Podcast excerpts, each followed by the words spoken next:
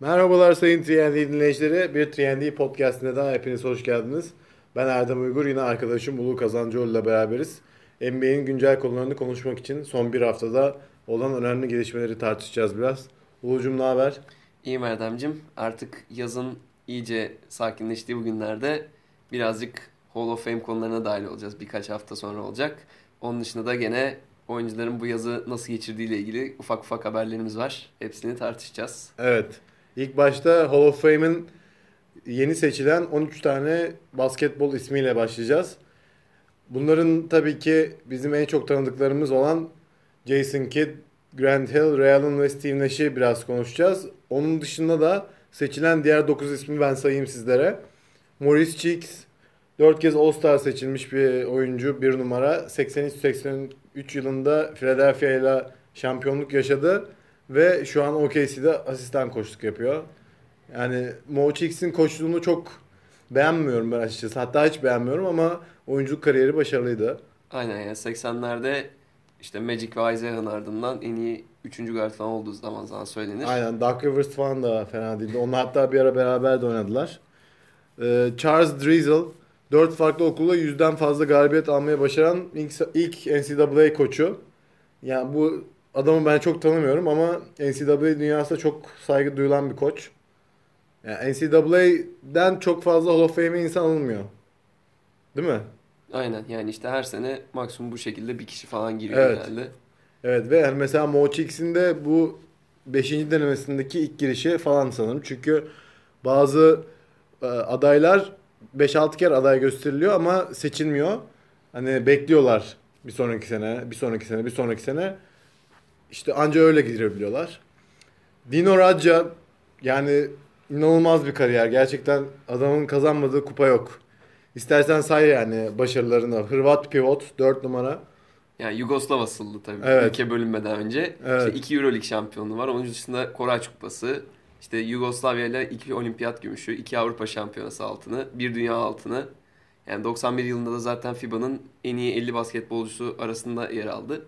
NBA'de de 4 sene Boston Celtics forması giymişti. Evet 16 sayı 8 rebound tarzı ortalamalarla oynamış.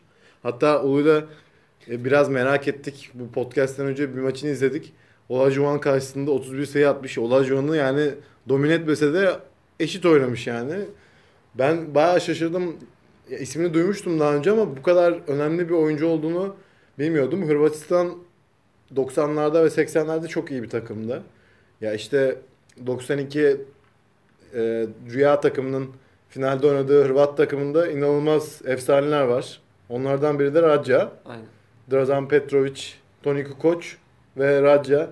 Yani o jenerasyonun e, işte liderliğini yapan oyunculardı.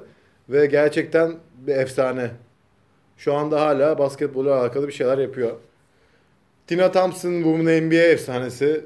4 Women NBA All şampiyonluğu var. 9 All Star seçimi var. 2 olimpiyat altını var. Bir de dünya altını var. İyi bir pivot gerçekten. Ben yani onu da canlı izlediğimi hatırlıyorum. Türkiye'de e, bir dünya şampiyonasında. Yani o yüzden girmeyi hak eden Women NBA oyuncularından. Yani zaten lig kurulunda ilk 4 seneyi domine eden Houston Comets takımının bir parçasıydı o. Evet, evet. Yani ligin ilk draftının bir numaralı seçimi de ta- kendisi. O yüzden Çok bir efsane bir oyuncu, aynen. Evet. E, Shirley Swoops'la beraber sanırım. Aynen Cynthia Cooper ve Aynen. Swoops'la beraber. Women NBA sanırım 90'ların sonunda kuruldu. Aynen 97 97'de, yılı ilk aynen. kuruluş yılları. Katie Smith o da e, efsane bir guard. Detroit Chuck'ta iyi seneleri oldu. Ve bir sene onu Fenerbahçe formasıyla da izlemiştik Evet. onu Türkiye'de. O yüzden bir Fenerbahçe taraftarı olarak şanslıyız. Evet. İki Women NBA şampiyonluğu var. 7 All-Star'ı var. 3 olimpiyat altını var. 2 dünya altını var. Ve Amerika Kadın Liglerinde toplamda en çok sayı üreten isim.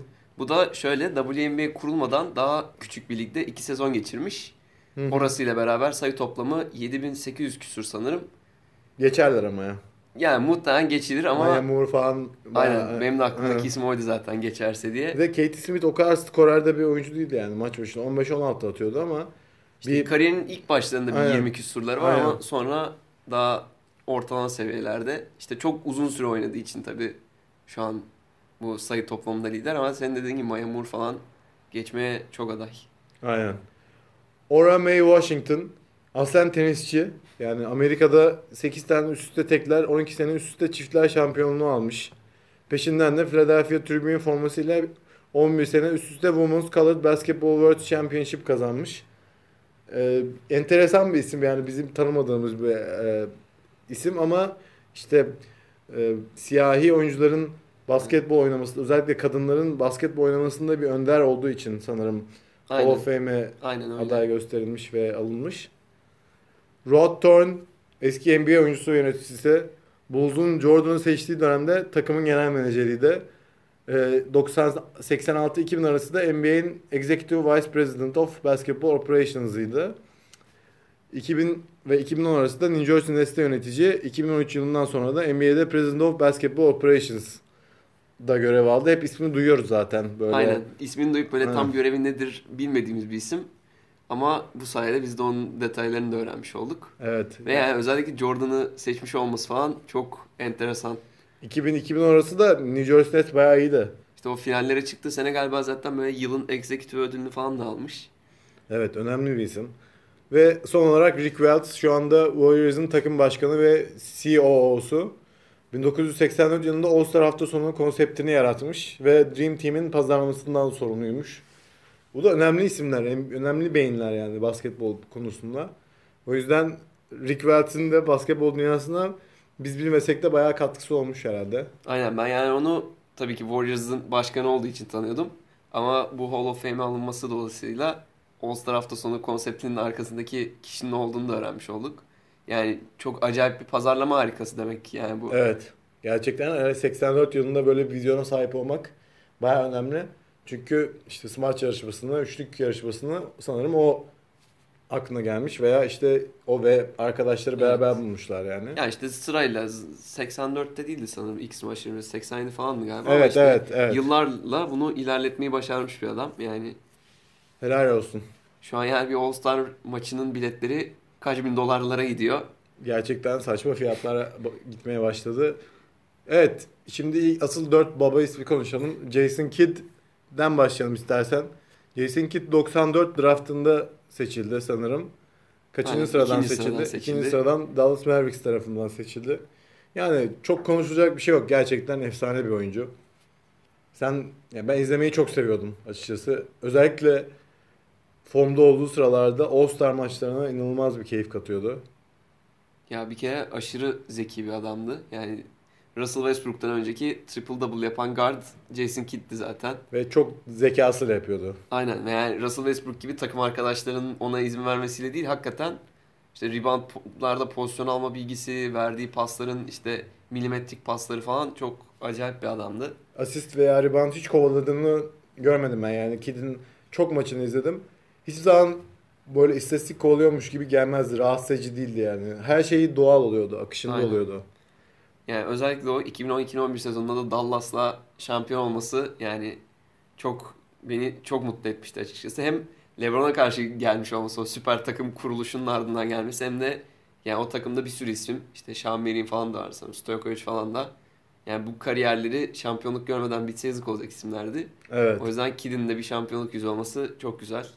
Nowitzki de tabii.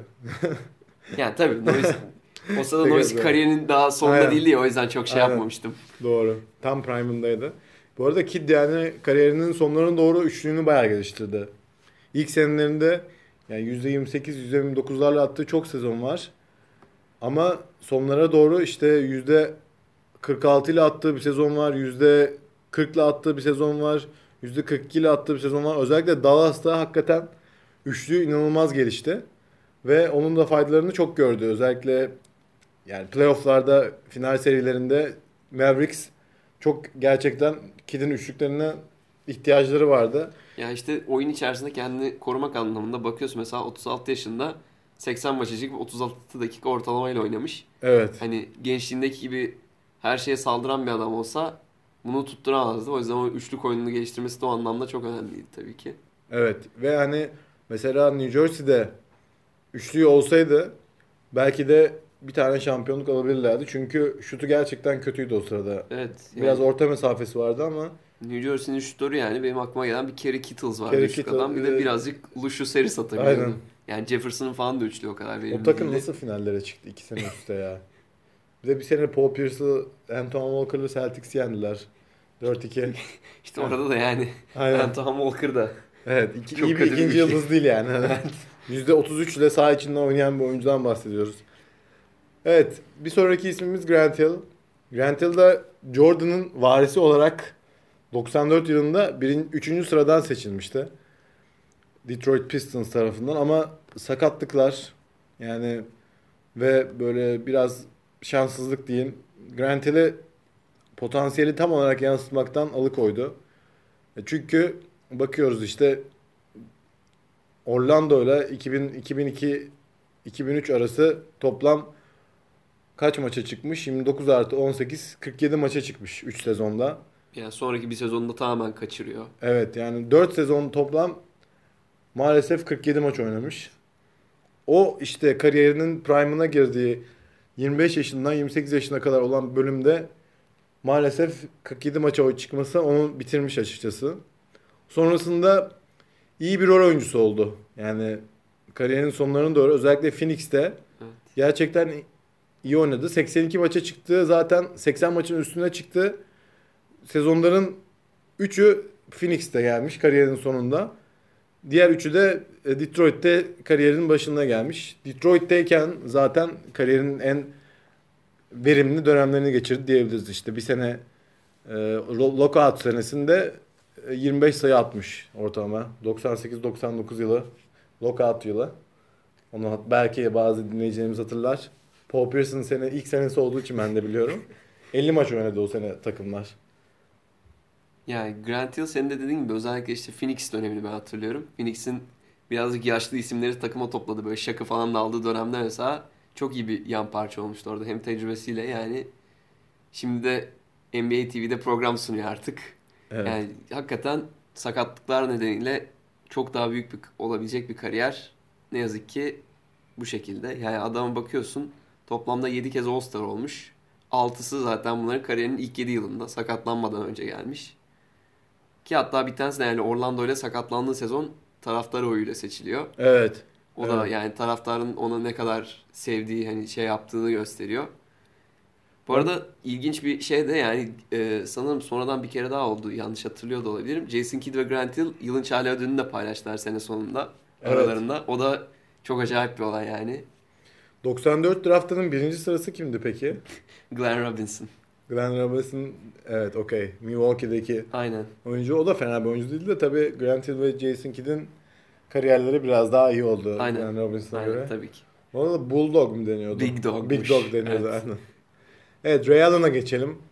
Çoğularına göre gelmiş geçmiş en iyi şutördü Curry ve Thompson gelene kadar. Reggie Miller'dan daha iyi olduğu konuşuluyordu. Kariyeri boyunca 1300 maça çıkmış. Gerçekten bir istikrar abidesi ve %40 saha içi üçlük yüzdesi var. Yani kariyer boyunca %40 ile atmış. Bazı sezonlar %44'e %45'e falan bile çıkmış. Hatta Boston'daki son iki sezonu kariyerinin üçlük yüzdesi bakımından en iyi iki sezonu. LeBron'la giderken düşmüş nedense ortalaması. Celtics'te daha iyi atıyormuş belki de. İşte demek ki Rondo falan ona kızmakta haklı mı acaba? Bir sene 8.4 üçlük deneyip 3.4 soktuğu o Seattle'daki 2005-2006 sezonu zaten kariyerinde herhalde en iyi sezon olabilir. Maç başına 26 attığı sezon. Yani inanılmaz bir form yakalamıştı ve gerçekten durdurması zor bir şutördü. Onun Real'ın yani driplingi de vardı. Atletizmi de fena değildi.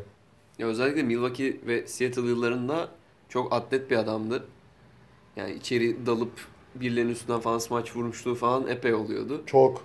Yani Milwaukee'de genelde hani takımı birazcık kötü olduğu için başarılı olan. Seattle'da çok birkaç sezon üst üste playoff gördüler işte. Rashard Lewis'li, Luke Ridnour'lu ve pot altında Jerome James'i falan Reggie Evans'lı takım. Galiba San Antonio'ya elenmişlerdi. Evet ikinci turda Sacramento'ya inip Yani o sezon falan hani hakikaten Seattle bir şey yapabilecek bir takımdı. İşte bench'ten Radmanovic falan geliyordu. Çok böyle şey bir takımlardı. Ama ondan sonra Real'ın da işte hak ettiği şampiyonluğu Boston'da kazandı. sonra Miami'de hiç hak etmediği bir şampiyonluk daha kazandı. Ama yani orada da Orada da 6. maçtaki o şut Yani- yani, NBA tarihinin en kritik şutlarından biridir yani. de- bildiğin şampiyonluk gidiyordu yani. Atı sokamasa bitmişti. 4-2 alıyordu San Antonio. LeBron da 200 olacaktı. Evet yani Real'ın gerçekten izlemesi de çok keyifli bir oyuncu. Ben şutör olarak Real'ın ya etiğini ve şut stilini çok beğeniyordum. Evet yani bir sürü mesela şut stili çok iç açıcı olmayan ama hani İyi şut, yüzdeli şut atan adam var. Mesela Real'ın- Curry'nin de şutör, şut stili o kadar iyi değil. Yani Curry'nin bir şut stili Göbekten yok ya. çıkartıyor Böyle biraz. bir sallamak Aynen. gibi bir şey var onun. aynen. Real'ın böyle herhalde aç izle böyle okulda öğretilecek bir şut stili vardı. Yani o kadar şey ki net böyle düz bir stili var. Clay Thompson'ın stili yine daha yani mekanik ve e, estetik. Curry ile Thompson arasında ama ikisi de yani şimdi eğri oturup doğru konuşmak lazım. Real'ından daha iyi şutörler şu an. Yani en azından Real'ın belki atıyorum 10 sene sonra doğmuş olsaydı o da belki bir Clay Thompson kadar iyi bir şutör olabilirdi. Çünkü yani Real'ın lige geldiğinde üçlük denenmiyordu. Mesela maç başına çaylakken 3.6 üçlük denemiş. Atıyorum şu an Clay'e veya Curry'e baksak bu 5 falandır yani. Hani Ya o 3.6 da bu arada NBA ortalamasında epey üstü evet. falan alıyor yani. Evet. Yani Ona rağmen. ekstra bir olduğu için böyle. Peki sence Curry'nin Real'ın rekorunu geçmesi için kaç sezona ihtiyacı var? Ha bir de öyle bir şey de var. Real'ın toplam üçlüklerde şu an birinci sırada. 2500 sanırım. Yani tam olarak hatırlamıyorum ama 2973. Curry Curry galiba 2000'lerin başında Evet, falan evet. diye biliyorum. listede ikinci sırada şey var. e, Reggie Miller Reggie var. Miller var. Üçte Jason Terry. Dörtte Paul Pierce var. O yani Curry yavaş yavaş geliyor yani. Bir 4 seneye kırar diyorum ben. Clay ya. de kırar. Yani ikisi de geçer. İlk ikiye otururlar bence. Evet. Steve Nash'e geçelim. Yani o da fazla söze gerek olmayan bir oyuncu. Gerçekten yani saha içinden %49, üçlükten %43 ile atmış bir oyuncu bak. Yani Real'ın çok iyi şutör diyoruz. Steve Nash'in üçlük yüzdesi daha iyi. Belki Real'ın kadar bencil olsaydı Steve Nash de Real'ın kadar üçlük sokabilirdi. Çünkü yani boş kaldığında da kaçırmıyordu. Ben hatırlamıyorum Steve Nash'in böyle bu kadar boş kaldığında kaçırdığını. Yani Nash hakikaten senin dediğin gibi birazcık daha bencil olsa çok daha acayip rakamlar yakalayabilecek bir adam. Ya bakıyorsun mesela kariyerinde en çok şut denediği sezon maç başına 13.5 şut atıyormuş. Evet. Yani Kobe'ye falan baksan mesela 22-23 şut atıyordur rahat muhtemelen. 20, 26'lık bir sezonu falan var diye hatırlıyorum aynen. Hani ne bileyim maç başına 2-3 şut eklese onları zaten ikisi girecek. Ortalama bir anda 4 sayı ekstra yazacaktık üstüne. Yani 20'li seviyelere falan gelmesi çok rahat olabilecek bir adamdı.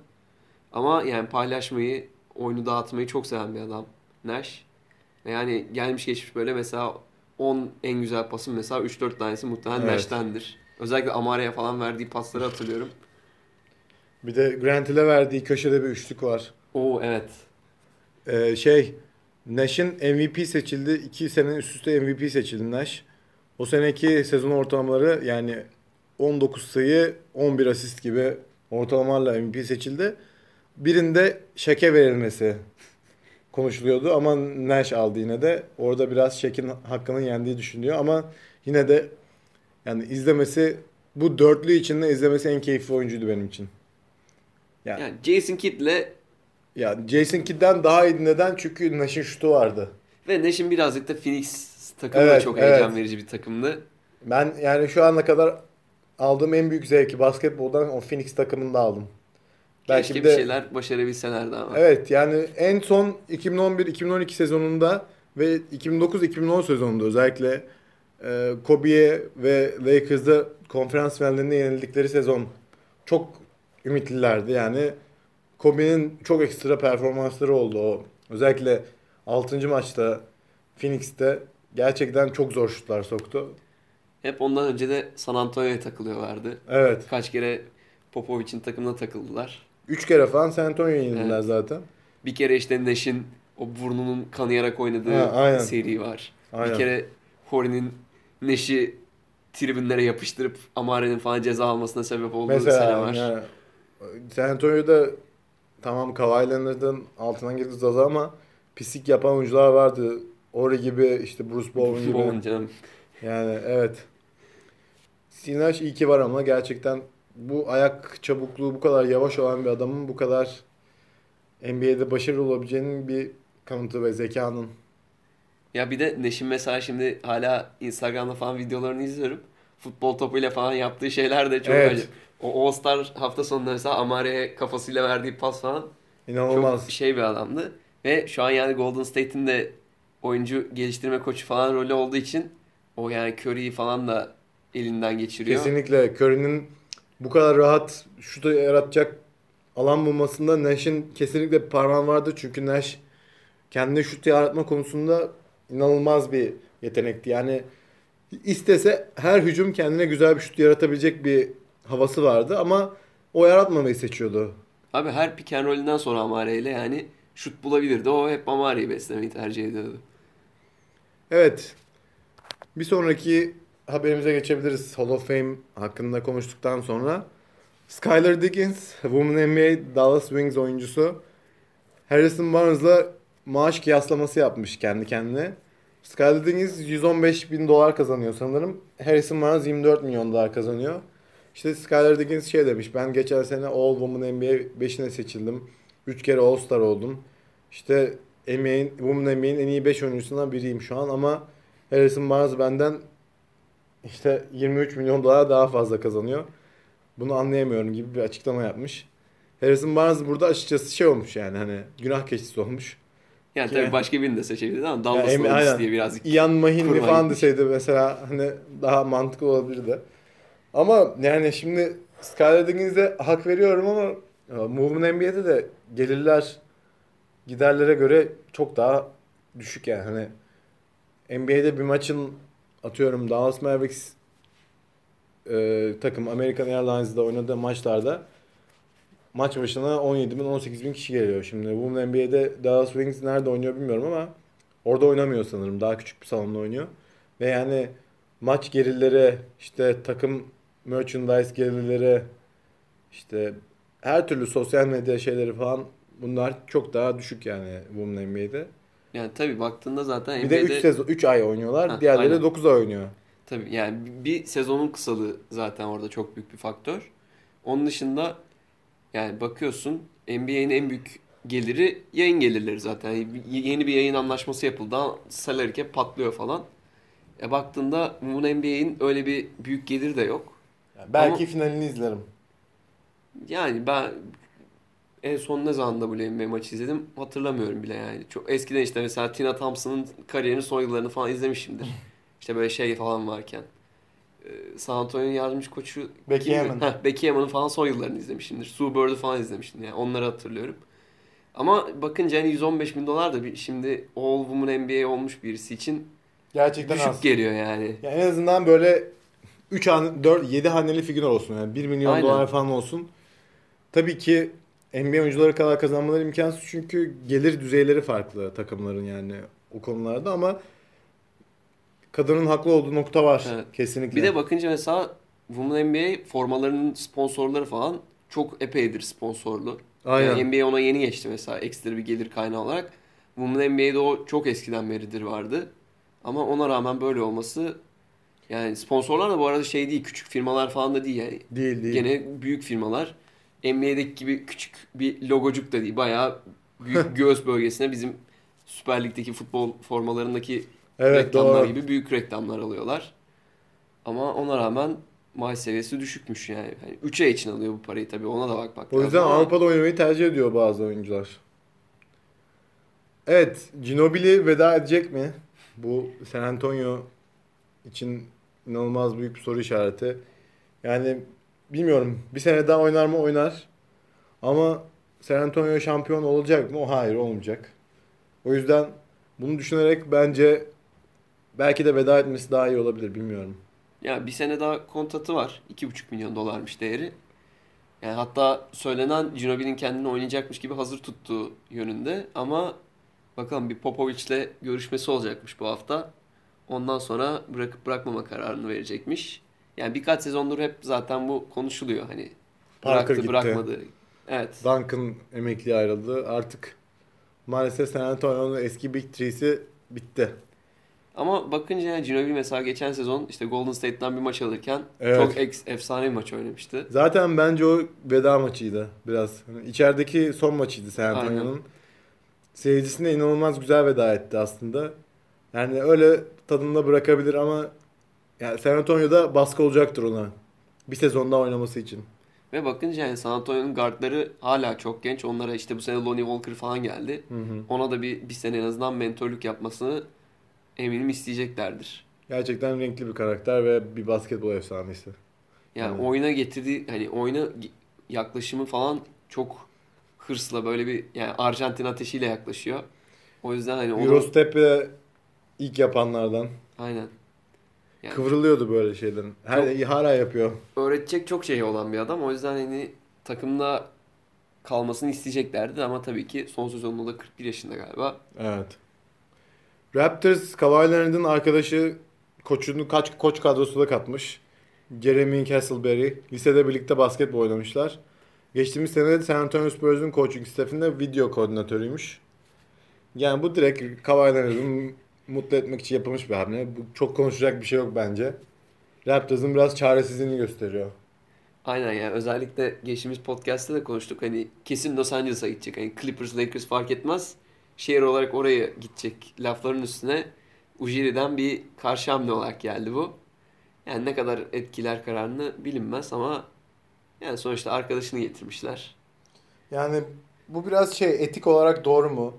Hani o arkadaşının getirildiği pozisyona daha uygun bir adam vardıken bunu bu çocuğu getirmeleri ne kadar etik olarak doğru? Çünkü başkasının ekmek parasıyla oynuyor sonuçta ama işte takımlar için tabii ki kavaylarını tutmak küçük etik kuralları bükmeye çok daha değerli bir unsur yani. Yani şey de olmuş oluyor bu arada. Coaching staff doludur. Ekstra sırf bu adamı Aynen. getirmek için bir kişi daha hadi alıyoruz deyip getirmiş de olabilirler. NBA takımların öyle lüksleri var. Evet.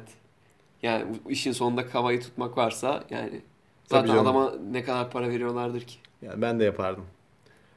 Cedi'nin Instagram resmi olay yarattı. Gerçekten yani inanılmaz bir resimdi. İnanılmaz şaşırdım gördüğümde. Kevin Durant, Kawhi Leonard, LeBron ve Cedi ve birkaç isim daha. İşte biri de Jeremy Castleberry'ymiş onların. Ha, Jeremy Castleberry aynen maç yapmışlar. Los Angeles'ta yani bir workout yapmışlar daha doğrusu. Yani Cedi'nin orada bulunması bile yani inanılmaz. Çünkü NBA'nin en iyi 3 oyuncusu orada bence. Yani LeBron tamam NBA'nin en iyi oyuncusu. Kevin Durant NBA'nin ikinci en iyi oyuncusu. Kawhi Leonard da formuna girerse NBA'nin en iyi 3. oyuncusu.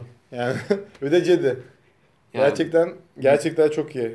LeBron çağırdı herhalde. yani muhtemelen LeBron çağırmıştır. Yani Ama yani LeBron yani geçen sene zaten hani LeBron'un en yakın takımdaki arkadaşlarından biri falan olduğu ciddi söyleniyordu. Şimdi milli takıma da gelecek Eylül ayında. Bu yani milli takıma gelmeden idmanlarını bu adamlarla yapıyor. Çok acayip bir şey ya. Bence bir bu gazla 30 atar maç başına ya. Karadağ ve e, Slovenya ile oynayacağız sanırım. Bir de Yalnız- yani resimde evet doğru. Ve de İspanya. İspanya maçını Eylül'de oynuyor İspanya muyuz ya? Eylül'de değil. İspanya e, Aralık'ta. Yani ona galiba Cedi Yok gelemeyecek, gelemeyecek, maalesef. aynen. Ama yani fark Şu iki etmez. maçı alırsak Evet. zaten Cedi ve Furkan gelirse alırız bence. İşte resimde bir de çok ilginç. LeBron falan böyle soğuk kaskat abi rolünde. Cedi böyle yanında sırıtkan çocuk olarak çok şey durmuş Abi yani. ben de çok orada naif olsam bir resim. güle- güle- aynen gülerdim yani. Big Three Ice Cube'un liginin şampiyonu Power oldu. Dün gece belli oldu. Cory Maggette de MVP oldu. Power takımının kadrosu Cory Maggette, Coutinho Mobley, Glenn Davis, Ryan Gomes, Quentin Richardson ve Chris Anderson. Yani bakınca bir tane oyun kurucu koysam bunların yanına NBA'de bile iş yapacak bir takım aslında. Yani Gençlik yıllarında ya da öyle diyelim. gençlik yıllarında evet tabii ki. Yani Magetti 27 atmış galiba son maç. Son topu da Mobley sokmuş. Evet. Yani güzel takım. Biraz daha zevkliydi bu sene Big Three Ligi. Bilmeyen dinleyicilerimiz için Big Three Ligi yazın oynanan 10 haftalık bir lig. İşte 8 takım var. Ice Cube'un düzenlediği bir lig ve eski NBA oyuncuları oynuyor. 3'e 3 maç yapıyorlar ve değişik kurallar var yani. Dörtlük atış gibi mesela. Aynen en 4 sayılık atış gibi işte ampul var. Airball olduğunda direkt atabiliyorsun falan. Yani resmi FIBA'nın 3x3'ünden farklı bir formatı var. O yüzden yani eski NBA oyuncularını izlemek istiyorsanız keyifli bir lig ama yani bazı maçlar çok kalitesiz olabiliyor hakikaten. Ya bakınca zaten hani 3'e 3 ve tek pot olmasının getirdiği şey o. Hani fast break falan izleyemiyoruz çok Evet. fazla. Ama bakınca ne bileyim bir geçen sezon işte İsrail Ligi'nde oynamış Amare formda geliyor buraya. İşte Jermaine O'Neal geliyor. Hani büyük eski All-Star'lar var. Pierce, Garnett ve Kobe'yi almak istiyormuş Ice Cube. İşte O biri... üçü gelirse, Of. o üçü gelirse net yani hani NBA'den daha çok fan izlenir. O kadar abartmıyorum ama yani şimdi Kobe, Pierce ve Garnett birer takıma girerse uf, yani hani izlenir yani. Bu arada geçen haftaki maçtan sonra röportajlarda birisi Steven Jackson'a şey sormuş. Kobe sence Big Three'de oynayabilir mi diye. Steven Jackson da bayağı bir şey olmuş buna. Gıcık kapıp Aynen. yani Kobe Bryant'tan bahsediyorsun. İstediği her ligde oynar o sen neyin peşindesin falan diye bir tepki vermiş. Kobe de 40 yaşına girdi geçen geçtiğimiz günlerde. Yani gelip oynarsa herhalde Ice Cube ikna edebilir yani. İhya eder ligi. Direkt her maç dolar yani.